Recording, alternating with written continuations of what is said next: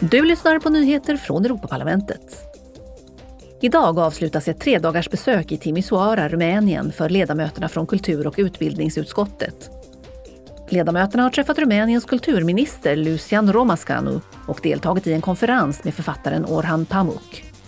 Dessutom har de träffat företrädare för lokala myndigheter och organisatörer av kulturprogram under sloganen Shine your light, light up your city. Lys ditt ljus, lys upp din stad. Idag är det sista dagen av besöket i Kenya för en delegation från utvecklingsutskottet.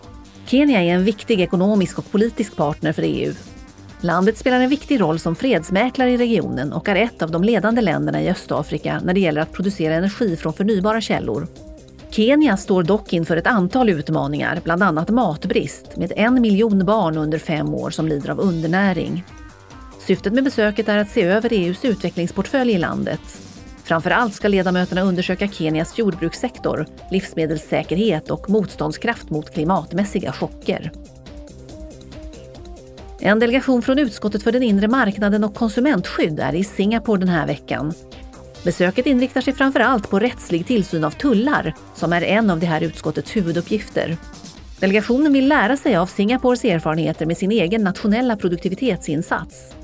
Ledamöterna ska också träffa representanter för ASEAN-företag som är baserade i Singapore och som exporterar varor till EU.